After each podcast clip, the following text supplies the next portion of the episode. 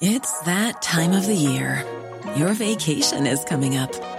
You can already hear the beach waves, feel the warm breeze, relax, and think about work. You really, really want it all to work out while you're away. Monday.com gives you and the team that peace of mind. When all work is on one platform and everyone's in sync, things just flow wherever you are. Tap the banner to go to Monday.com.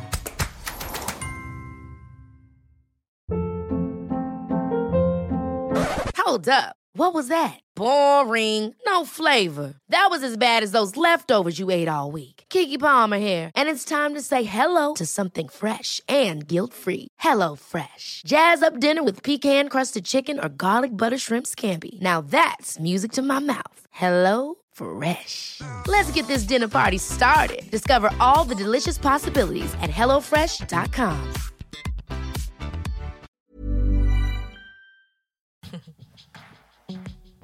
Hej och välkomna till Brottsofferpodden. Mitt namn är Joakim Lindén Kastenbäck. Och mitt namn är Vanessa Delvalle. Brottsofferpodden är en informativ intervjupodd med brottsoffrets perspektiv i fokus. Sara hade allt hon önskade. Det enda som saknades var en partner.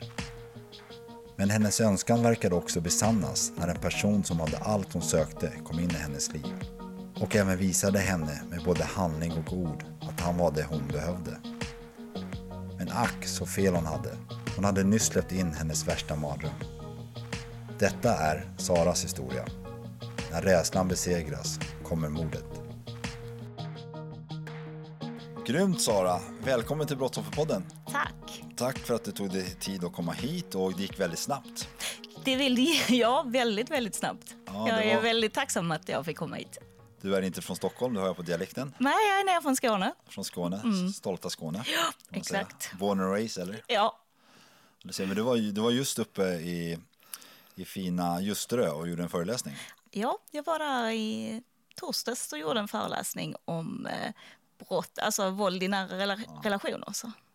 Yes, för när du skickade det här mejlet till mig så blev jag bara wow, alltså, wow på ett negativt sätt om man ska säga. Bara, ja, vilken historia bara jag kunde läsa på mejlet liksom. Men jag tänkte att eftersom du då är van att föreläsa och eh, så jag, jag backar lite. Sen kommer jag flika in med frågor typ, Ja. när jag, jag känner först. Så kan du, du typ, kanske börja där du börjar med föreläsningen.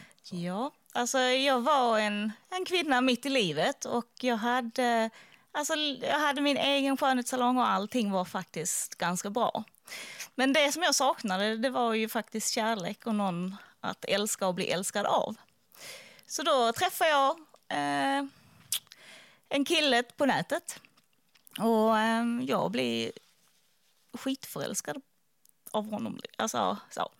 Och vi träffades och allting var fantastiskt i början. Får jag bara fråga, vad, vad var det med han som fick dig förälskad just den här personen? Alltså han var...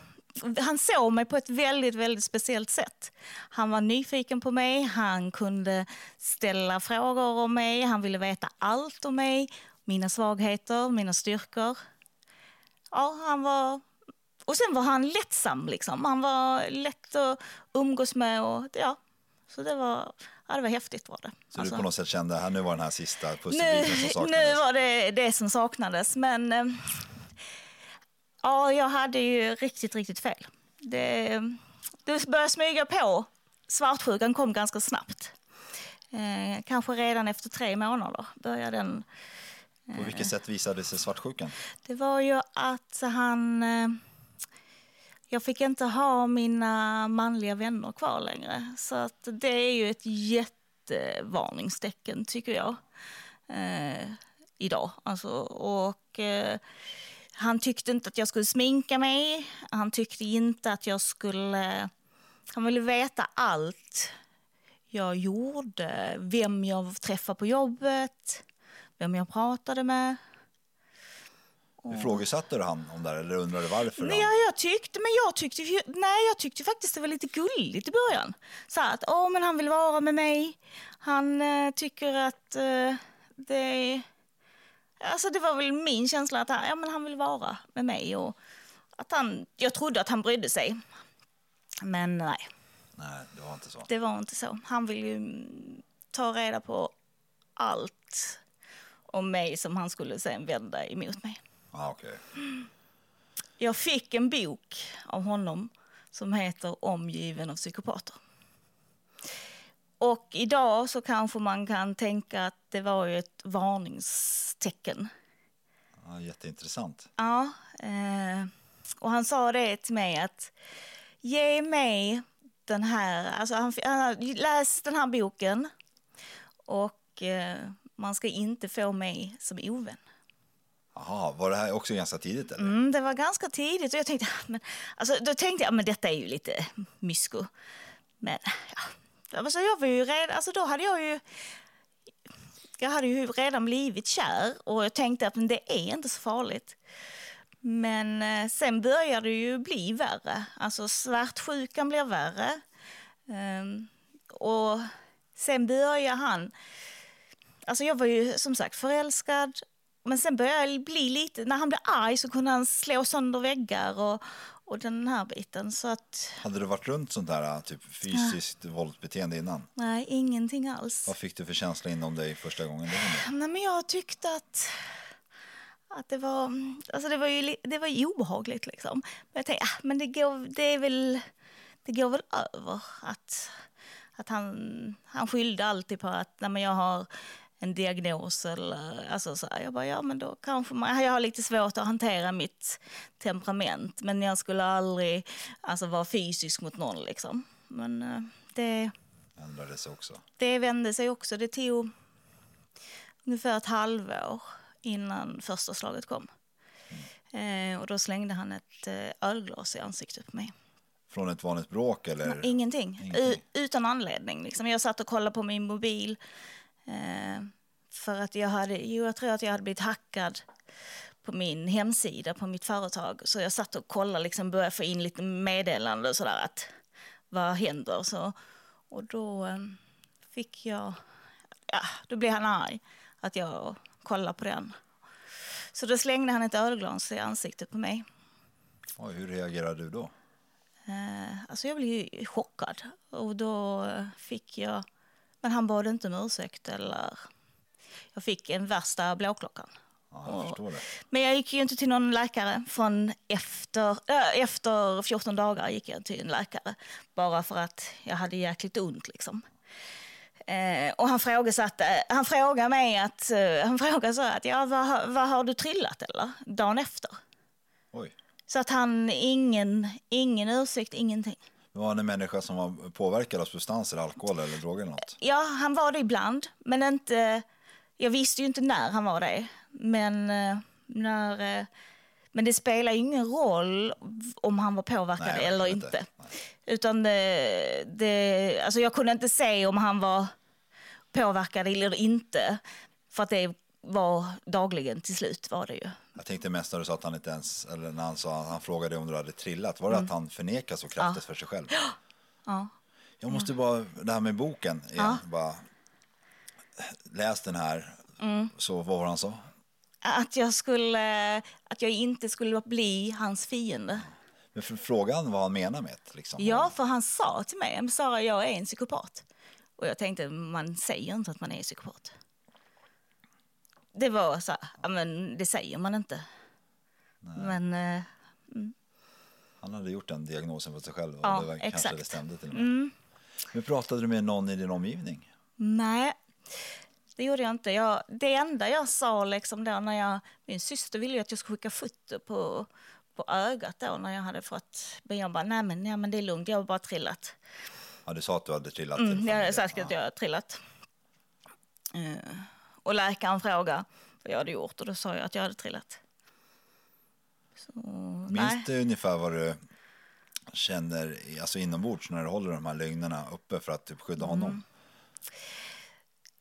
Alltså, det, var, det var ju en rädsla. Det hade blivit så pass... Han var så psykisk alltså, misshandel, alltså han, just den här verbala misshandeln han höll på med. Oftast fick jag ju stå framför spegeln med han bakom mig. Och då fick jag säga äcklig och ful och värdelös att ingen vill ha mig. Ja, Han stod bredvid Bakom mig. bakom dig. Ja. Oj. Eh, Så jag börjar ju bli väldigt nedtryckt Ja, och rädd liksom för honom. Och att likadant om han lämnar, eller om jag skulle lämna honom, så hotar han ju att han skulle ta livet av sig. Ja, okej. Så, sen hotade han ju också om jag lämnar att han skulle ha ihjäl min, eh, min familj. Att han skulle våldta min systerson. Och jag ville inte utsätta dem för någonting så då tänkte jag att jag stannar eh, kvar. Liksom. Eh, för att jag vill inte att de ska bli utsatta för något. Men i, i det här, det låter ju helt sjukt och hemskt så, såklart. Så. Men hade ni bra stunder också? I början hade vi det. I början hade ni bra. Sen, i alltså, de sista, sista alltså, året var det ju, eller sista halvåret var det ju verbal och psykisk och fysisk misshandel nästan varje dag. Mm. Så, men... Och tro- trodde du att du var förälskad igen samtidigt eller var det att du var så nedbruten? så du Alltså, nej, ja, det hade varit så att han har slagit sönder liksom, kärleken så jag var inte förälskad längre. Men jag intalar ju mig själv att, att det går, jag finns ingen annan utväg. Liksom, att, att jag... Alltså, många har frågat mig varför jag inte lämnar. Eh, liksom, tyckte du inte att det var nog? Och då, det enda jag hade det var att han kommer, han kommer döda mig en dag. Det var, liksom, det var det som jag hade präntat in, liksom, att, att han kommer döda mig. Ja, det är jättesvårt att lämna också. Är, Ja. Jag har gjort, suttit här ett par gånger i intervjuer och det är den Mm. vanligaste frågan omgivningen ofta ställer till personen. Mm. Varför lämnade du bara inte? Så Och, och många kan tycka att du ska lämna när första slaget har kommit. Eh, eller kommer. Och då kan jag säga att när första slagen har kommit, kommer, då är det redan för sent. Ja. Då, har, då är du troligtvis redan så nedbruten så att du inte du orkar liksom inte. Alltså du, du tror, alltså hans, hans verklighet, eller ja, det blir ju min sanning liksom, eller hans ord blir ju min sanning. ja, jag förstår det. Så den, eh, Ja, hemskt alltså. Men hur, hur går det vidare mellan er där? Nu vet jag inte exakt vart vi var i, i ordning. Ja, alltså det blir ju ganska snabbt det där äh, med att han börjar... Alltså efter han har slagit eller kastat ölglaset i huvudet så börjar det ju eskalera ganska snabbt det här att, att ha, mina pengar som jag drar in är hans pengar. Han eh, tycker att jag ska... Att jag inte får sminka mig och jag får inte alltså, jag får ju inte göra någonting. Jag blir mer och mer isolerad och eh, så blir jag... Alltså han fick mig att säga saker som jag inte ens liksom har varit med om. Alltså han, eh, han, han ville veta så liksom så här, men hur många har du legat med? Och det är ju egentligen inte relevant liksom. Eh, och om jag hade varit otrogen någon gång och och det hade jag inte heller varit. Men, och ändå fick han mig att säga att jag hade varit otrogen. För att han tjatar ju liksom hela tiden. Jo men det har du ju varit. Och, och den biten. Så, den, så det blir ju mer och mer... Eh, eh, alltså våldet det bara alltså, eskalerar och till slut så... Han kunde... Han sa vid något tillfälle att jag slår dig oftast bara tre eller fem gånger på samma ställe. För annars vet jag inte om jag kan sluta. Ja, vad, vad, vad, ja, vad säger jag? Så den... eh, Och likadant att han drogar ju mig eh, med eh, morfin. För att han fick för sig att han skulle... Ja, han fick för sig att han skulle skära av klitoris liksom. Alltså det är ju sjukt. Så då gav han mig en Stilnoct och sen eh, blandade han upp morfintabletter i ett glas och in i en, alltså i en, ja, en spruta. Och sen vet jag inte mer. Alltså så. Jag vaknar ju upp liksom dagen efter. Och då sa han att "Ja, du var så söt där du låg så jag kunde inte utföra dig. Liksom så. Men jag bara, nej det var ju snällt. Alltså det är, ja, Det är helt sjukt där. ja. Och likadant, han har ju injicerat steroider i mig. Bara för att, för han kunde. Ehm, han... eh, Så den är ju... en dag, en gång, jag vet, och jag vet, där vet jag inte vad det som gjorde det. Vi, jag vet att jag brukar, jag brukar inte dricka speciellt mycket men jag har väl kanske tagit ett eller två glas vin och sen vi hade rätt trevligt men sen vet jag inte så, då flippade det. Då, då fick jag gå ner på knä framför honom. Så tog han tag i, i mitt hår och så skar han bi, av en bit av min skalp. Oj. Ja. Eh, och jag vet att jag har inte så mycket minne av det efteråt. Liksom. Alltså, för det är väl chocken, liksom, att kroppen stänger av. Så jag vet att jag, jag måste ha somnat. Eh, att jag vet att på morgonen så vaknar jag att, att jag är fullt, alltså blodet har runnit ner i ansiktet. Och, men, eh, så det var ju... Och sen bara den här... Men också här- för nu är det ju, det är ju ett sjukt fångenskap Ja. inom, inom alltså i familjen, eller dig och han. Liksom, Ja. Utan, utanför er då? Var, det, var det då så pass isolerad så du hade inte möjlighet att Mm. Nej prata för jag, någon? nej, jag var... Jag kunde ju inte... Jag pratade ju med folk... Eller jag pratade ju inte med någon liksom. Mer än en av mina bästa vänner. Men hon bodde ju 20 mil ifrån. Eh, Så jag pratade ju om att han var lite verbal liksom. Men hon frågade han gång på gång att eh, om han... Om han slog mig och jag nekade ända in i det sista. Kunde du hålla jobbet uppe? Alltså det var ju min egen salong. Eh, så att jag kan väl säga att det börjar ju, för han kunde ju få för sig att jag inte fick gå dit. Eh, för att han kan ha hållit mig vaken i två dygn. Så jag försökte ju göra det bästa jag kunde men jag blev ju, jag blev ju sjukskriven på halvtid. Och eh, det, det gjorde ju också att man blir ju, ja det blir ju sämre och sämre liksom. Eh, men, och sen blir man ju som duktig på dölja liksom blåmärke, eh, sminka över det som, det som syndes och klä sig så som man inte syns. Liksom. Ja, det här är ju skit verkligen. Liksom, Mm. hur jag antar att större delen av din vardag var att se till att inte han skulle flippa. Ja, det var det. Alltså i, till, I slutet var det ju som att då var jag tvungen att köra hem på lunchen bara för att checka läget och se om han var lugn. Eh, För han, ville att jag, för han hade ju sånt kontrollbehov på mig på slutet. Eh, och, så då var jag tvungen att köra hem på lunchen, bara checka läget och sen eh, köra och jobba igen. Och då, fick jag, då var jag tvungen att komma hem på den tiden jag hade sagt. Och, och en dag så var jag väl fem minuter sen. Då hade han tagit alla, nästan alla mina kläder, bara klippt sönder i små bitar och slängt ut. Liksom. Och då sa han att du kommer inte sent flera gånger. Så, mm. Men var det, hur var han gentemot andra? Var det någon, någon i din närhet som träffade honom? Ja, det var ju några och då var han ju väldigt trevlig och alltså charmig och Så där som han var i början när Ja. han träffade dig? mm, lite så, ja men verkligen ville att de skulle tycka om eh, honom liksom. Även om inte, han, han hade inte speciellt mycket vänner så, men, eh, men eh, så mina, alltså mina vänner fick han ju träffa någon gång liksom. Och, och det var väl, de tyckte ju att han var trevlig då liksom. Undrade du då hur kommer det sig att han kan vara så trevlig här? Sen så när dörren stängs. Mm. Ja, Eller hade du bara förstått att det var så? Ja, det jag hade nog förstått att det är så det funkar. Att den här känslan att det är, det är, min, det är min vardag nu. Liksom, att leva under ständig, ständig press och psykisk miss, misshandel. Liksom. Så är det ju... Men eh, alltså, det värsta är ju också liksom det här hur, alltså, hur det normala eller det onormala blir normalt.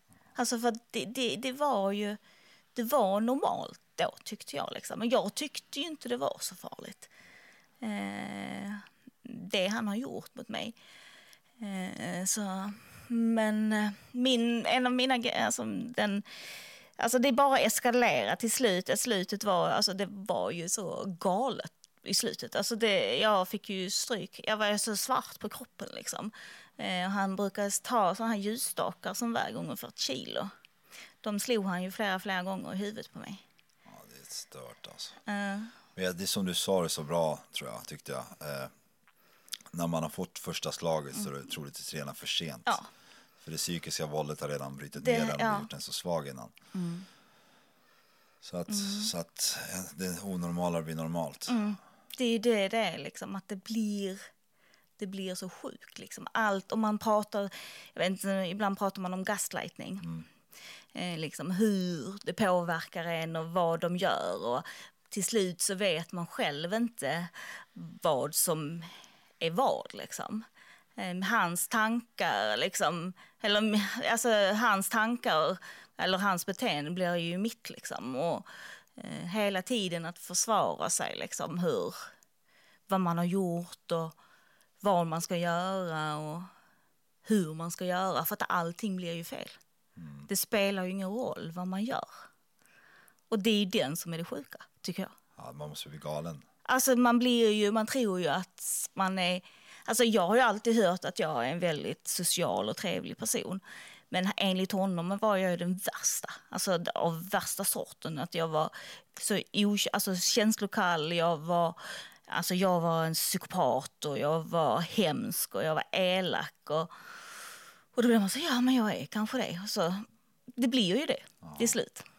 Du blir typ tacksam att han ens vill vara med dig. Ja, exakt.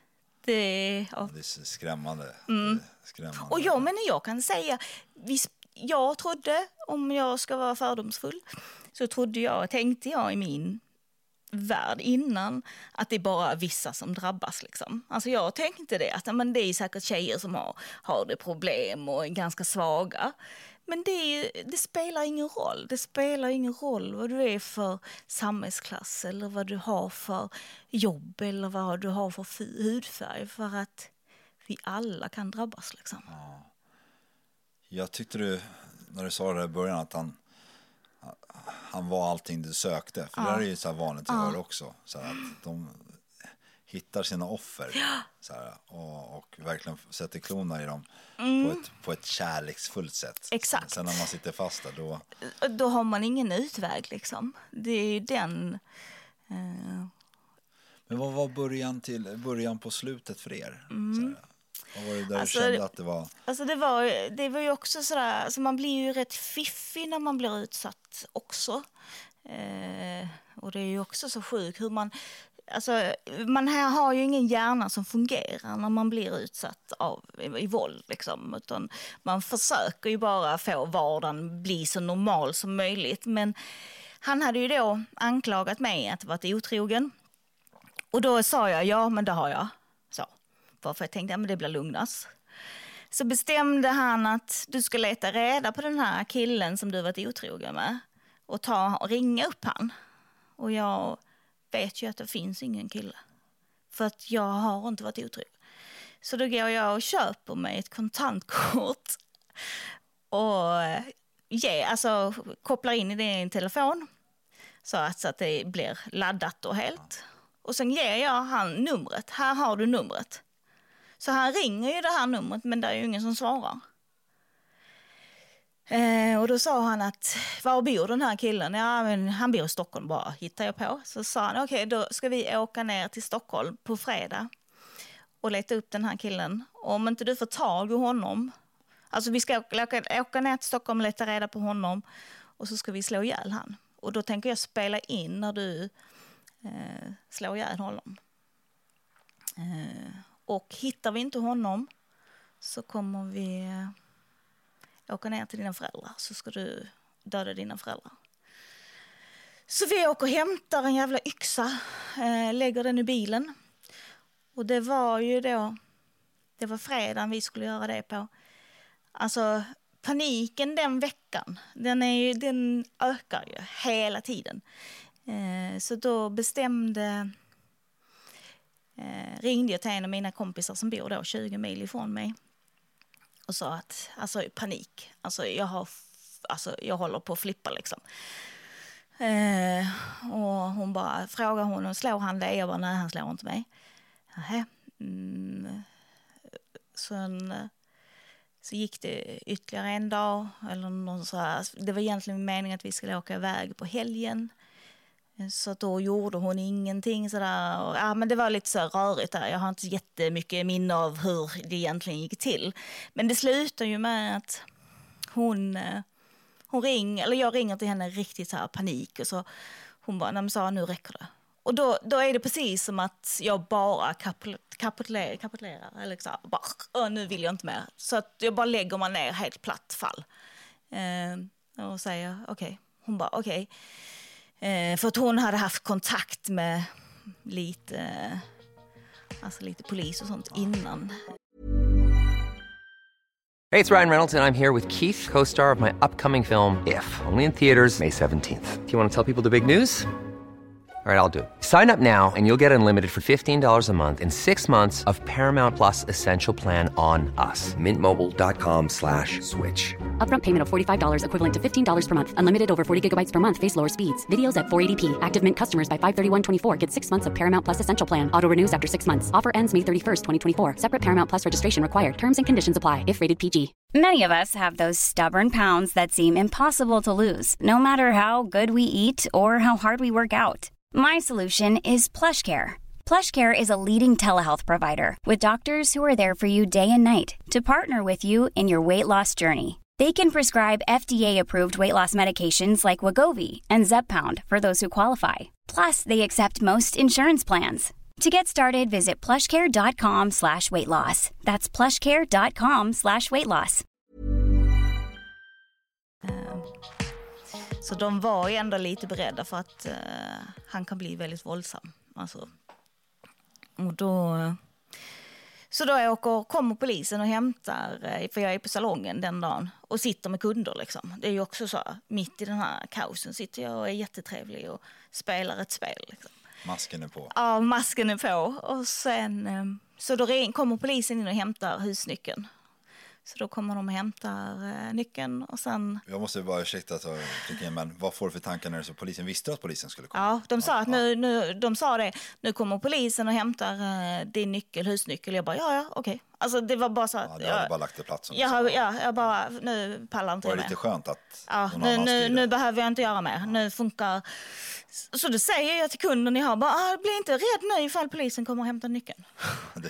Men alltså, hon bara, eh, nej för min pojkvän är inte så snäll mot mig, säger jag. Okej, okay. så kommer polisen och hämtar nyckeln. Och sen, eh, sen åker jag ner på förhör direkt efteråt. Liksom. Eh, polis, alltså blir, eh, så jag åker ner till polisstation och de hämtar hem honom. Han häktas och han eh, häktas samma dag. Ja, Okej, det gick så snabbt. Mm.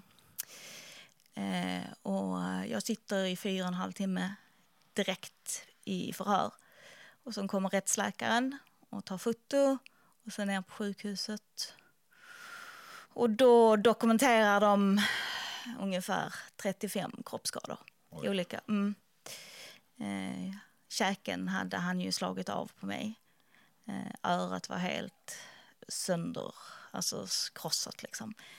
Ja, och sen blåmärkena och knivskärningar och hela den biten. Och sen, eh, ja, sen var bollen i rullning och det är ju nu egentligen det blir som farligast. Liksom. Alltså, för man, jag visste ju inte om han skulle bli häktad eller anhållen, men eh, hur var det att sitta hos polisen? Du sa att du satt där fyra och en halv timme. Ja. Så här, det... Alltså det var bara som att öppna en kran. Alltså, polisen satt helt chockad. Alltså, så här, hon, hon sa det, jag visste inte vad jag skulle säga. Alltså till slut. Alltså, det var hon som avbröt för att det hade gått så lång tid. Hon bara, nej vi får ta mer.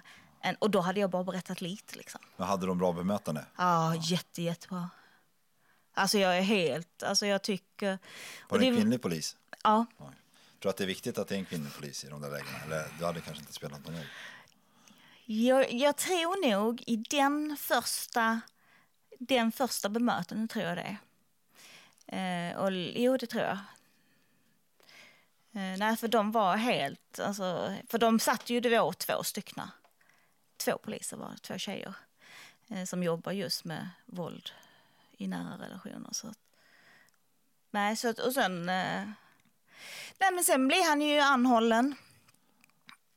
Och sen rullade Och då fick jag, vi visste ju inte som sagt vad som skulle hända så då, då var jag tvungen att flytta och det var, jag var tvungen att lämna allt. Liksom. Eh, sen fick jag ju ner... Var det, var det de som eh, föreslog att du skulle... Ja, ja, ja. Ifall att han skulle komma loss? Ja, det var det. Eh, och sen tillbaka upp till... Allting gick ju väldigt, väldigt fort. Från att han sitter häktad till en eh, rättegång. Det var bara tre veckor tror jag. Jag måste också, för det här är ju också en jätteintressant grej, tycker jag personligen. Det, för nu kommer in till polisen, du berättar om allt psykiskt Mm. och fysiskt våld under en lång period. Och det ska vara tre veckor till rättegången. Så här, erbjuder de någon hjälp, någon psykolog, terapeut? Mm. Eh, sök dig hit så du kan börja jobba med de här eh, Nej, alltså de, de rekommenderar ändå, alltså, eller de, jag fick ju ett målsägandebiträde och hon rekommenderar eh, kvinnojouren, att jag skulle ringa och prata med dem och brottsofferjouren. Okej. Så de har, jag ju, har, ju konta- har kontakt med mig. Plus att jag har gått eh, med, hos en psykolog under hela den här tiden också. Ehm, så att hon, hon fick jag ju prata med också efteråt. Tyckte det var bra, kvinnojouren och brottsofferjouren? Ja, helt fantastiska. Alltså jag, deras jobb är all cred för... Ja, jag, jag finner faktiskt inte någon ord hur, vilket jobb de lägger ner. Alltså det är, ja. Och likadant som polisen och sen socialtjänsten i, där också var också helt fantastiskt. Det var fyra dagars rättegång och både vi hade ju vittnesstöd från brottsofferjouren. Vi hade kvinnojouren var på rättegången och eh, socialtjänsten. Men om vi backar lite till innan rättegången, för nu har det ju gått tre veckor som du sa. Ja. Eh, jag antar att du har landat väldigt mycket. Så här, det kanske börjar vakna till lite i Ja, huvudet. ja, lite. Eh, hur var det där den här dagen när du vaknade till rättegången och veta om ett par timmar ska jag sitta där i salen? Alltså det, det, det, det är det värsta jag har gjort. Alltså så. Men min, min eh, eh, advokat, eller ja, brottsoffer... Eh, Målsägandebiträde. ja, målsägandebiträde. Hon sa till mig att eh, Sara, jag säger det nu, precis när första gången vi träffade. Försök möta honom i rätten för det hjälper dig i din bearbetning. Jag bara, nej, jag tänker inte möta honom. alltså, ja. eh, Men efter eh, en vecka liksom, så kände jag att nej, jag ska möta han. Liksom. Läste du förundersökningen? Ja, jag, eh, alltså det, alltså, nej, det gjorde jag inte för att det var så mycket. Alltså, han blev ju åtalad på, eh, var det 24 åtalspunkter. Oj. Men du läste inte ens vad han hade sagt? Nej, jag läste någon lite att han nekade till det mesta. Okej. Eh, och jag fattar ju inte hur illa det var. Alltså det, det, eh, utan det, under de tid, den tiden är det ju mest bara att försöka, försöka vila, dämpa ångestattackerna och bara vara. Var det ju. Och sen, sen blir det fyra dagars rättegång. Hur var det när du, nu vet du ungefär hur det ser ut av egna erfarenheter i en rättegång. Du sitter där inne och sen så öppnas dörren upp och eh, den misstänkta blir inledd. Hur var det när han kom in i rummet? Eh, jag tror han satt Han satt där inne först och Han satt, olika. ja, han satt där inne först. Så jag gick... Eh, eh, åklagaren ville ju att vi skulle ha det på, i lyckta dörrar. Men jag ville inte det. Utan jag ville ha min rättegång öppen. Eh, för att jag hade bestämt... Alltså för jag har ju inte haft någon sån här, att, något återfall att jag, vill, att jag tycker synd om honom eller att, jag inte, att, det, är, att det är mitt fel. Utan jag har varit rätt duktig på det. Att, eh, att inte lägga skuld och skam på mig själv. Men då eh, bestämde jag att... För jag ville att kunde jag rädda en kvinna ifrån honom liksom, så har jag gjort ett bra jobb. Det, det var min, min drivkraft i det hela. Så att det var ungefär 25... Eh, vad heter det, sådana som sitter där och tittar? Eller Ja, Åhörare, ja. Mm. Eh, varje dag och stötta liksom. Och ingen ifrån hon, alltså från hans sida. Liksom. Tittade han på dig? Ja, vi gjorde en sån battle. Ja, det. Och det, ja, det slutade med att hans advokat fick putta på honom. Ja, okej. Så det, det, den... eh, alltså man är ju... Alltså det är väl det som är... Alltså jag är ju lite full i fan också liksom. När jag väl eh, lägger den sidan till. Så sista dagen så, eh, på rättegången så eh, vet jag att han tycker att så här leopardtröjor är så jävla fult. Så då var jag tvungen att köpa mig en leopardtröja bara för att ha den på mig. Alltså det är så här, det är löjligt men det, ja. Men det är lite så här, ja men ascoolt? Ja, lite så är det. Så bara, nej, men jag, Du du ska fan... ja, ja, men lite så att du ska inte tro att du äger mig längre liksom. Jag måste också fråga, den här fjärde dagen och eh, för då börjar ju Mm. åklagaren att prata om varför han ska bli fälld, på vilket sätt han ska bli fälld, Mm. varför han borde bli fälld. Liksom. Eh, och det låter ju väldigt bra för den som, för det, i ditt fall. Ja. Mm. Men sen så pratar ju advokaten. Så här, hur, hur Det var ju väldigt synd om honom enligt advokaten och eh, eh, de tyckte ju bara att han, eh, han var ju han var ju lite yngre än vad jag var, eh, så de tyckte att han skulle få en chans och att, att nu sitter han här som ett offer och ser, ni, han sitter här och blir utsatt som ett monster liksom. Eh, och- Hade han erkänt i, i, i rättegången? Nej. Nej. Nej, bara vissa saker. Att han har slagit mig kanske någon gång. Liksom. Ja, okej. Fick, fick du andra tuffa frågor av advokaten under själva Ja, rättegången? det var... Hon var rätt... eh, Hon var... Ja, hon var... Alltså de var tuffa mot honom tyckte jag. Alltså, så. Eh, Men sen var det ändå ganska... Alltså jag hade ju hållit... Jag har ju hållit min historia och inte blandat in någonting utan jag har försökt hålla mig bara till det jag har sagt till polisen. Liksom. Att inte försöka hålla det här lugnet och inte, har jag inte förstått så har jag sagt till att Nej, men jag förstår inte frågan, du får ställa om den. Eh, för det var ju som han, hans advokat sa att, för jag hade slängt någon sten på mig med, när jag hade, gick med ryggen emot, så säger jag två gånger, så sa han, är det samma sten? Sa hans advokat. Så sa jag, det jag har ju inte jag någon aning, det får du fråga han. För att jag gick med ryggen emot. Han bara, jaha, ja, alltså så. Och ledant. Det var ju en, han hade ju tagit en bild på mig när jag sitter naken i duschen.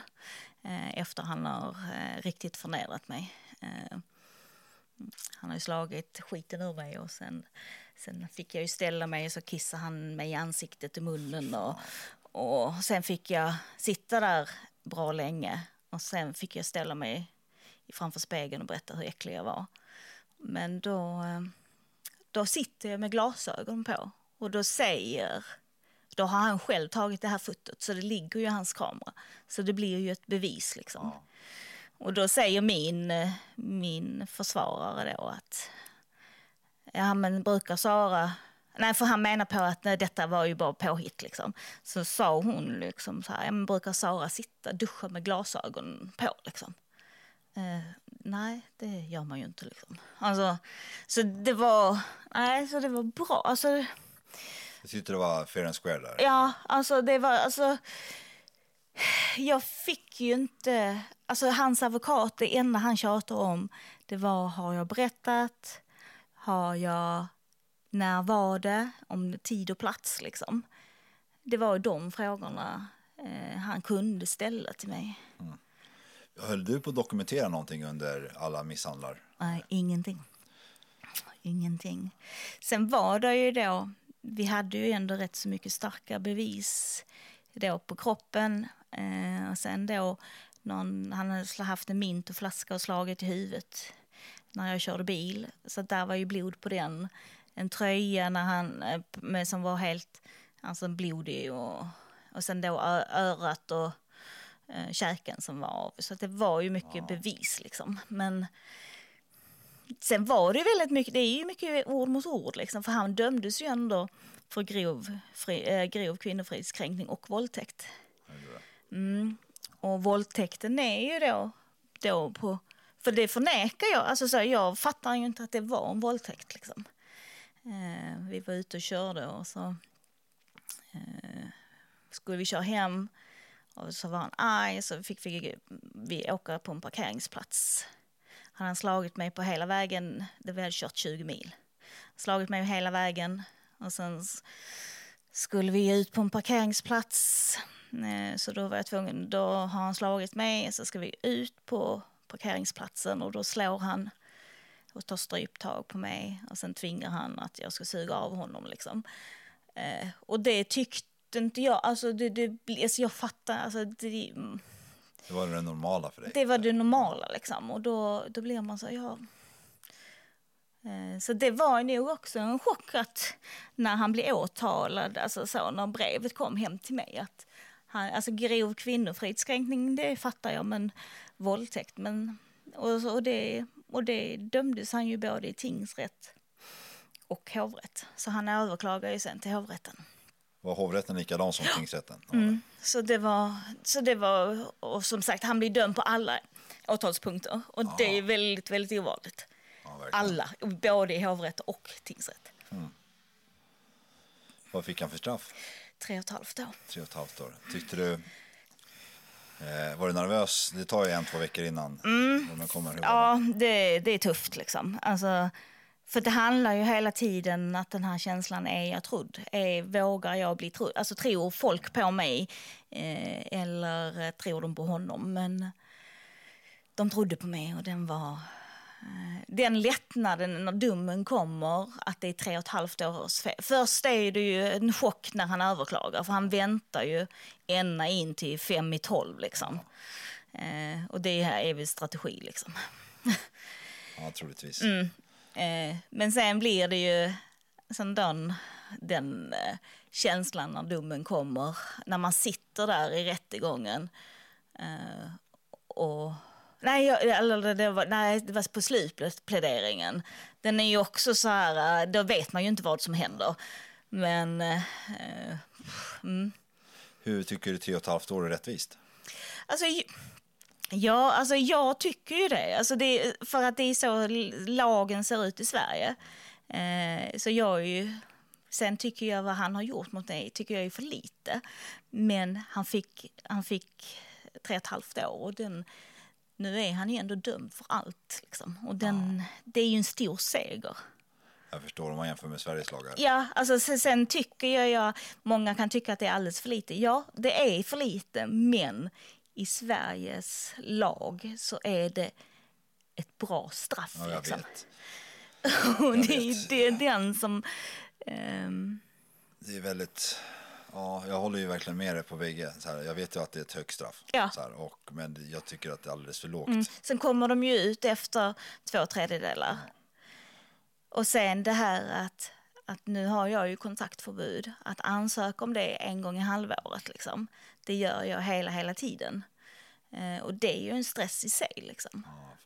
Men det handlar ju också om en trygghet sen. Liksom, att, att det, alltså, det ger ju polisen lite mer rätt. Liksom. Har han hört av sig medan han sitter? Nej, nej, nej, ingen. Han har inte haft en enda permission heller. De kommer ju meddela dig när han har permission. Mm, men han har ju, han har ju suttit i, i ett två, tre klass okej. innan. Men nu har han eh, fått flytta till en först, eller till ett Var på väg ut alltså? Nej. Nej, utan han har, de har höjt säkerheten. Ja, de har höjt säkerheten. Så han har ju gått från en anstalt med tre Ah, okej. säkerhetsklass och nu är han, har han gått upp till en etta. Ja, okej. Så att någonting har han ju gjort. Ja, Liksom. garanterat. Mm. Men är det lång tid kvar? Mars kommer han ut. Mars, hur känns det? Mm. Jag, har, jag har lite skygglappar på det. Men jag, det är ju därför jag vill göra så mycket som möjligt innan han kommer ut. För att kommer han ut och vill träffa mig eller kommer ta kontakt med mig så vet jag ju att han kommer ju inte bara säga hej. Liksom. Eh, och det är, det är också sådär, många tycker men varför skaffar du inte skyddad identitet? Och jag har sagt att man har redan förstört. Innan levde jag för att överleva. Och nu lever jag för att leva. Du skulle behöva flytta och göra allting. Ja, ja, men igen liksom. Och det, nej, men jag kan inte driva ett företag, jag kan inte stå på ett abonnemang, jag kan inte stå på en adress. Och jag, som sagt, nu håller jag på att föreläsa Eh, och försöker komma ut så mycket med min föreläsning som möjligt. Eh, och det, handlar, det är ju en bearbetning för mig eh, hela tiden också.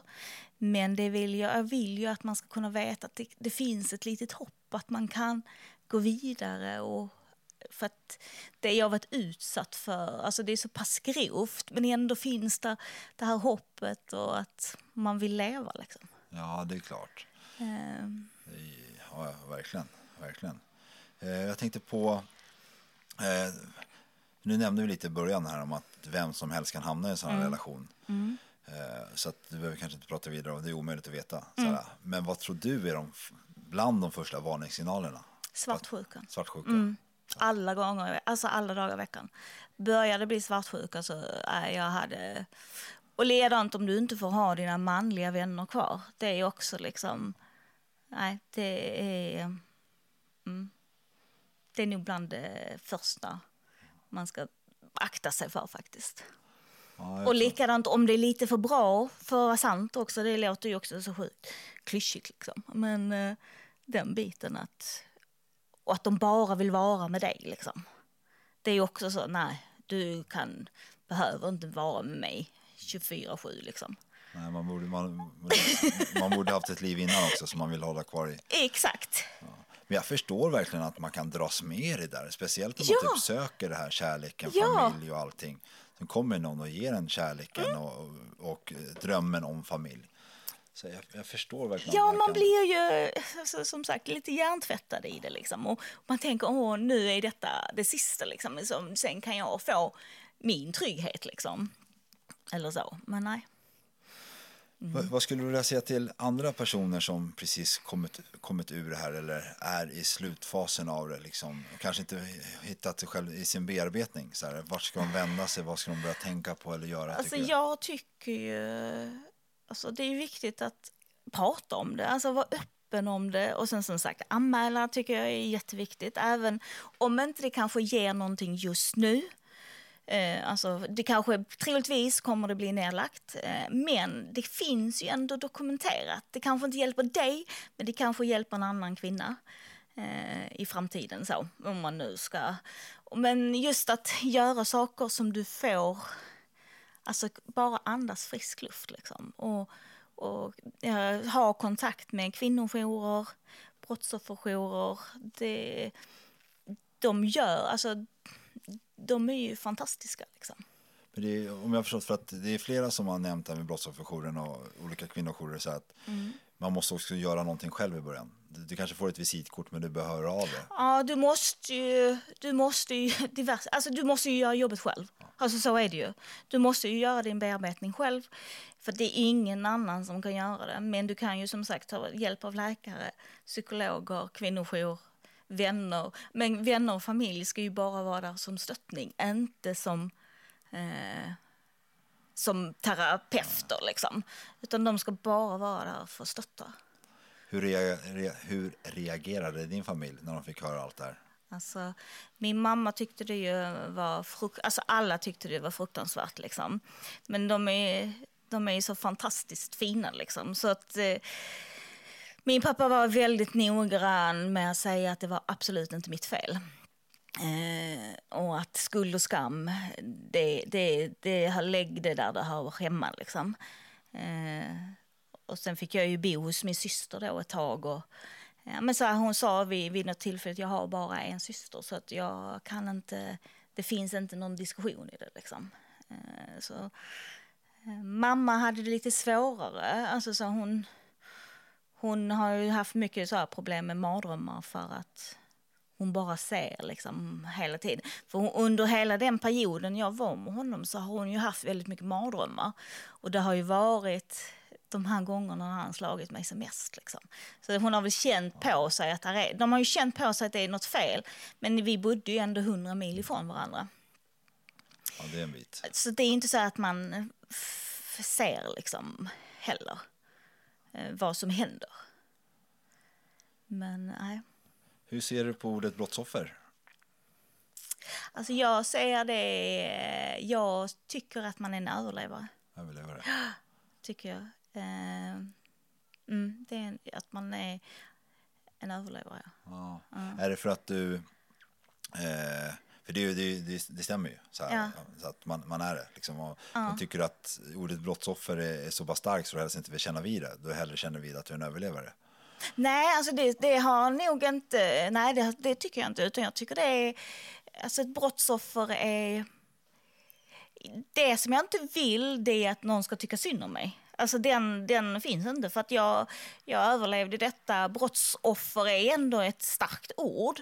Eh, men eh, nej, jag tycker, nej, jag tycker inte det är någon, inget, inget så, åh gud vad hemskt liksom. Man känner, jag känner mig inte liten om någon säger, "Åh, du är ett brottsoffer. Nej, det är, alltså, ja det är jag, men jag är inte, jag är ingen, jag är ingen, har inte någon offerkofta på mig liksom. För jag, just när jag säger ordet brottsoffer, det är många som reagerar på det. För det är väldigt många som har en viss, viss koppling till det kanske, att precis som du sa, att det är inte synd om mig.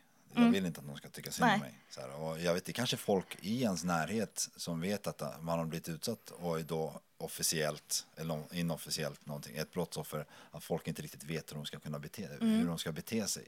Och därför blir det att de kanske tycker lite synd om en. Så här, det som jag kan bara säga till andra det är ju sådär att just den här när man kanske måste ha en flyktplan och hela den biten när man ska lämna. Men just den där att be, alltså även om man inte Alltså bara så ett frö till att, någon, att du stöttar henne, liksom. att du är där för henne oavsett vilken tid du ringer på dygnet eller om du har blockerat mig på alla sociala medier så finns jag där för dig den dagen du är redo. För oftast är man ju inte redo. Alltså, det måste, man måste, jag tror att du måste så långt ner i skiten för att du ska kunna ta därifrån. Du fin, där finns ingen, du har kommit till återvändsgränsen. Liksom. Antingen är det döden eller så är det att okej, nu måste jag lämna för att jag ska kunna ta mig. Jag har Överleva. inget val liksom. Ja, alltså, Men att vi också så här, tror inte att om det har gått så långt att man har blockat en människa överallt att ens alltså, anhöriga borde reagera eller Mm. agera starkare? Jo, det tror jag. Alltså jag tycker ju det. Alltså, så. Och Det, hade, det hade ju nog min, alltså det tror jag att min familj hade gjort. Liksom. Eh, för att vi har ju ändå haft alltid ett starkt band. Eh, och ledaren som en av mina, hon, hon tjejen som anmälde, hon sa vid ett tillfälle, så- och den, jag gillar det uttrycket, hon sa så här, Sara, om en tårta är rutten, en bit av en tårta är rutten, då är hela tårtan rutten. Liksom. Så det finns inget, det är ingenting att spara på liksom. Nej, exakt. Det är ett jättebra uttryck. verkligen. Ja, alltså, alltså jag, ja, jag tycker det är fantastiskt. En annan grej som jag brukar med i den här podden är att säga till sin förövare. Är det någonting du skulle vilja få sagt till honom? Om du, inte, vi ser inte att du mötte honom, bara få sagt Alltså, jag kan bara säga så att eh, jag gav honom kärlek, men han gav mig en trasig själ. Men jag kan säga att han slog bort all kärlek. Eh, och han finns inte för mig, alltså idag. Att han är, han är likgiltig. Där är inget... Jag har inget hat, eh, för att hat föder hat. Eh, jag tycker att han är, ingen, alltså han är ingenting. ingenting.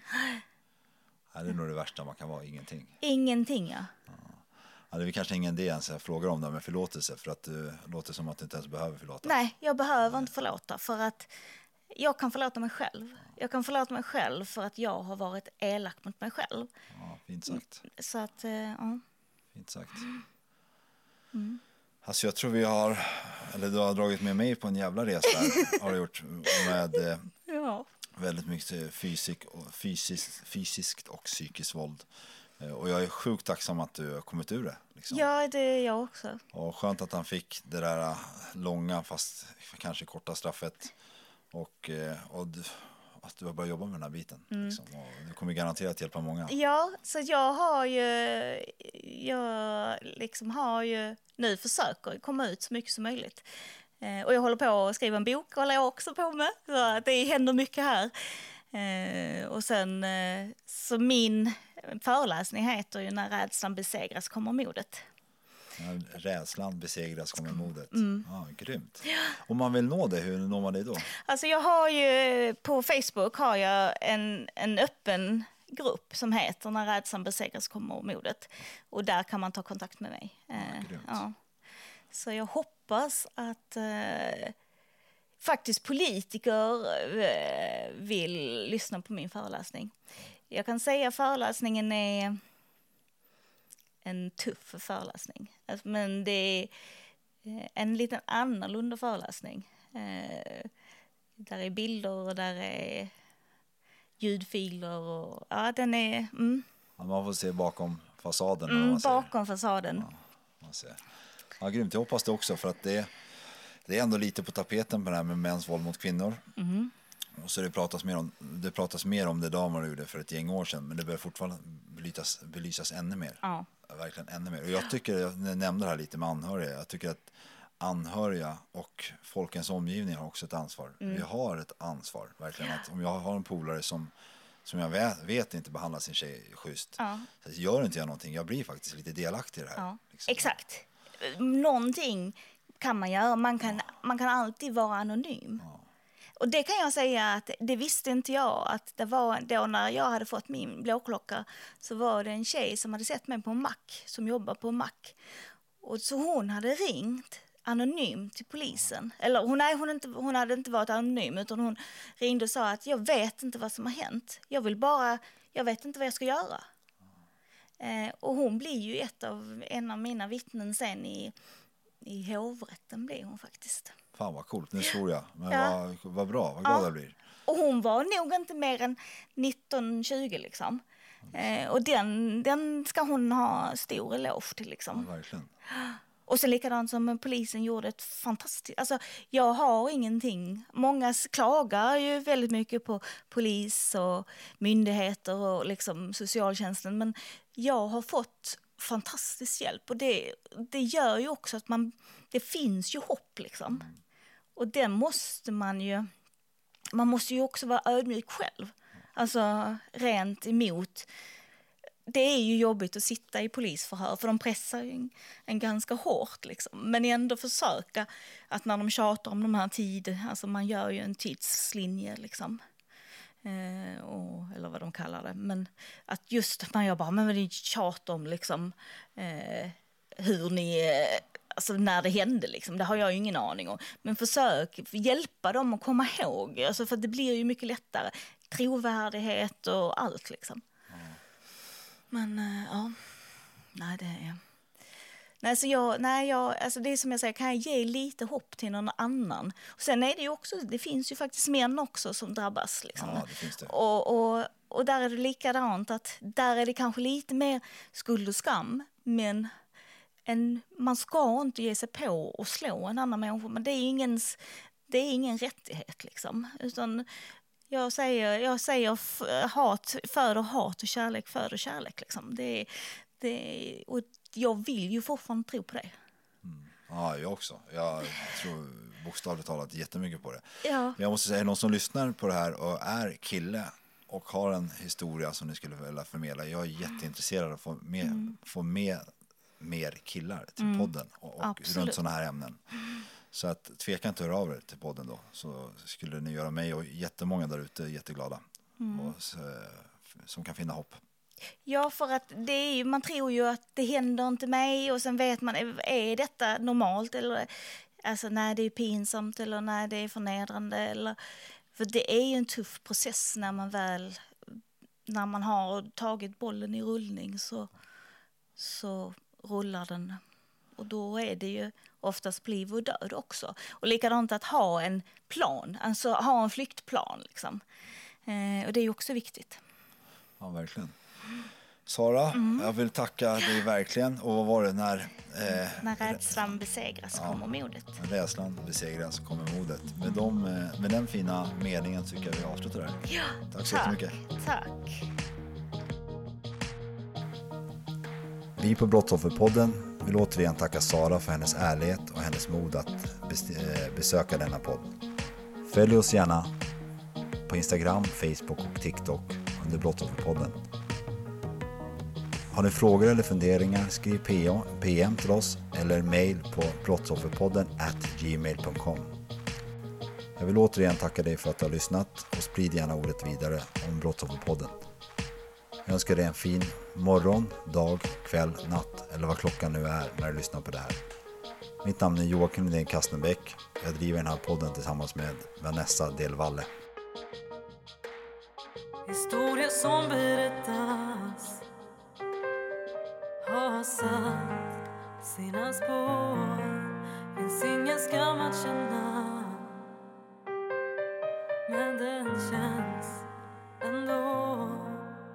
Känn dig aldrig ensam med minnen du bär på. Det är inte din skuld att bära. Jag hoppas du förstår, för skulden ligger.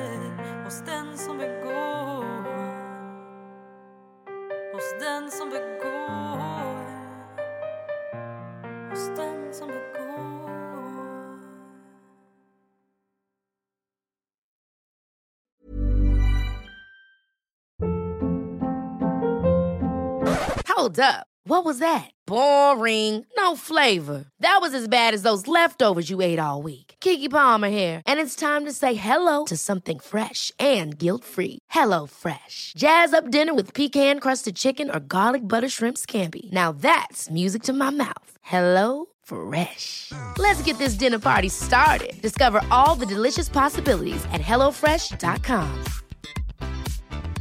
Planning for your next trip?